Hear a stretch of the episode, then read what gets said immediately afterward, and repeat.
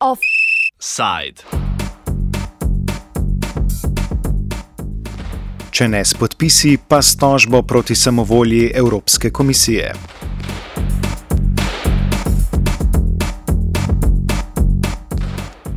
Pred meseci je 600 različnih organizacij Kongresu Združenih držav Amerike predalo zahteve za spremembo zakonodaje na področju oblikovanja mednarodnih trgovinskih sporazumov, ki skozi mehanizem imenovan Fast Track oziroma hitra pot predsedniku države omogoča, da se mimo obveščanja hrama demokracije pogaja o sporazumih. Slednji pa ne more vplivati na končni dokument, lahko ga le v celoti zavrne ali potrdi. Prejšnji teden je ljudstvo kongres opomnilo na zahtevo nevladnikov, majhnih podjetij in drugih s predajo slabega milijona podpisov nasprotnikov mehanizma, na račun katerega ne le senatorji in kongresniki, temveč tudi javnost ni transparentno obveščena o sporazumih, ki se trenutno mesijo. Prvenstveno o čezatlantskem trgovinskem in naložbenem partnerstvu, transpacifičkim. Transpacifičkim se upravičujem, transpacifiškim partnerskim sporazumom in ti si namenjeni nadaljni liberalizaciji storitvenega sektorja.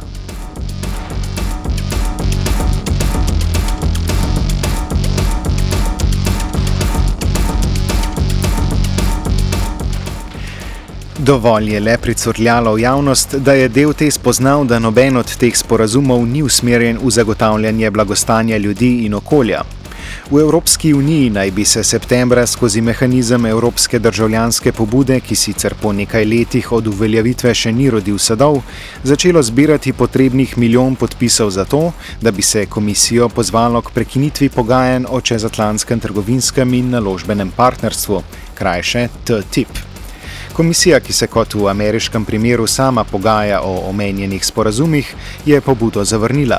Proti njej pa je na Evropskem sodišču v Luksemburgu danes uložena tožba strani nemške Atak in še mnogih drugih organizacij širom Evrope.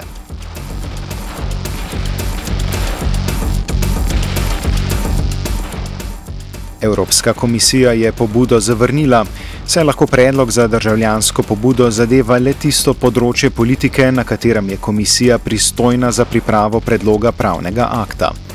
Da komisija ni pristojna za pogajanja, je le pravni trik, še bolje izgovor, meni skupina Stop to Tip.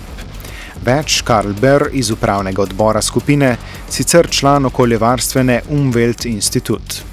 We think that the um, decision by the Commission was a political decision. And the Commission bases its decision on two legal ideas, which one of them is that the negotiation mandate that the Council gave to the Commission is not actually some legal decision, but it is only a preparatory um, thingy for the Commission to work on. Actually the Commission may not um, negotiate with the US or Canada or any other country without such a negotiation mandate, and therefore we think that the negotiation mandate actually is a legal decision by the Council that we can um, issue with the European Citizens Initiative. And there has not been any other case in which the um, Commission was talking about preparatory decisions. Um, so this is a concept that exists in some of the national um, legal systems, but it has not been used at all in the European legal system yet, and we think that this is just um, an excuse. And the second reason why the Commission would not want to allow us is um, that they believe that we cannot actually have a European Citizens Initiative that tells the Commission not to do something we could um, ask them to negotiate with the US. We could ask them to do specific things, or we could ask them to abolish an already existing treaty, but in their opinion, we could not ask them not to do something, which is, in our opinion, also uh, legally incorrect because um, this would lead to a situation where all possibilities to influence ongoing negotiations are excluded, while there are several possibilities to um, issue citizens' initiatives on um, not ongoing or already finished um, negotiations, and that does not make sense.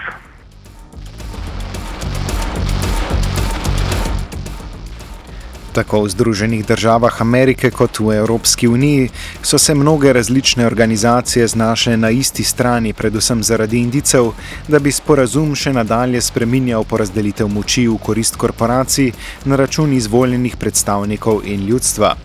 Na primeru lastne organizacije pojasni Ber. Initial um, idea why our organization is going into that is because it changes power relations. Um, there are several mechanisms that economically or legally work in such an agreement that change power relations. So there is, for example, the idea of regulatory cooperation. That means that in future, if the TTIP is concluded, the um, EU and the US will always have to talk about new regulations that I want to implement, for example, in the chemical sector. And that is before the parliaments talk about that, where the elected people and the people elected by the people sit and should take the decisions in a democracy they will derail a lot of regulations that would be in interest of the people even before journalists and parliamentarians would talk about them. And that's very dangerous for our democracy and also for like the environment and for some um, less bigger companies in the economy that would be more innovative. Um, then there is the issue of um, the, let's call it a harmonization of standards. So, for example, the GMO case. In the US, there is no useful regulation on GMO except for in some states. The usual US um, approach to GMO is that they are just the same than any other plants, which in our opinion is not true. They are pump patented and they use a lot of chemicals and they're partly dangerous. So um, the EU has strong regulations on that. And if you harmonize that, or if you say, well, what is good for American family to eat has to be good for European family to eat as well, um, then you will change European regulations to the worse. And that is something we fear a lot.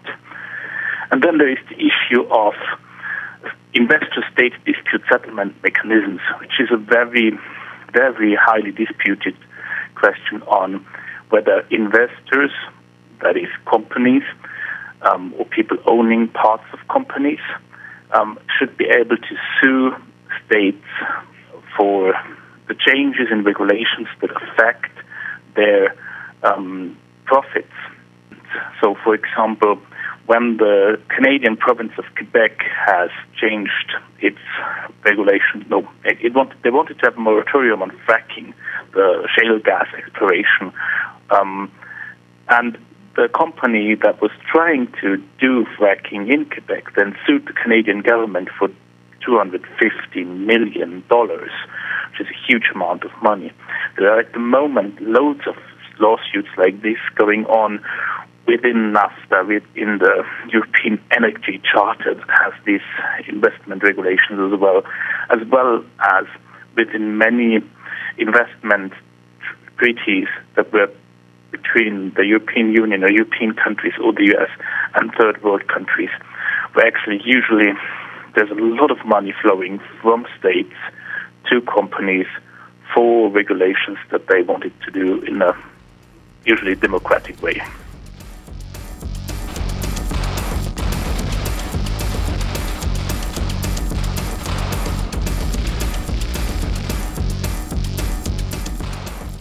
Ber zaključi z oceno o pozitivnih posledicah sporazumov, o katerih govori predstavniki Evropske komisije in Bele hiše, predvsem novih delovnih mestih. Economic projections that were made by the Commission and also by the German government and by the US government, most of them project that there are some job gains. But if you look at those more closely, you'll see that the job gains are quite minimal because they project for very, very, very comprehensive agreements on a long term run. So, gaining some 200,000 jobs in all of the EU within 10 years is not much. And if you then look at the economic projections that have been made about uh, the NAFTA, the North American Free Trade Agreement, before it came into being, and if you look at the, the actual development that has been there after the agreement was concluded in 1994, you will see that there is a usual overestimating in those projections regarding the actual positive um, implementation of free trade agreements. And if you look at Mexico and the US, especially now, 20 years after NAFTA, you might wonder what those protections were based on. Because the job gains have not been there.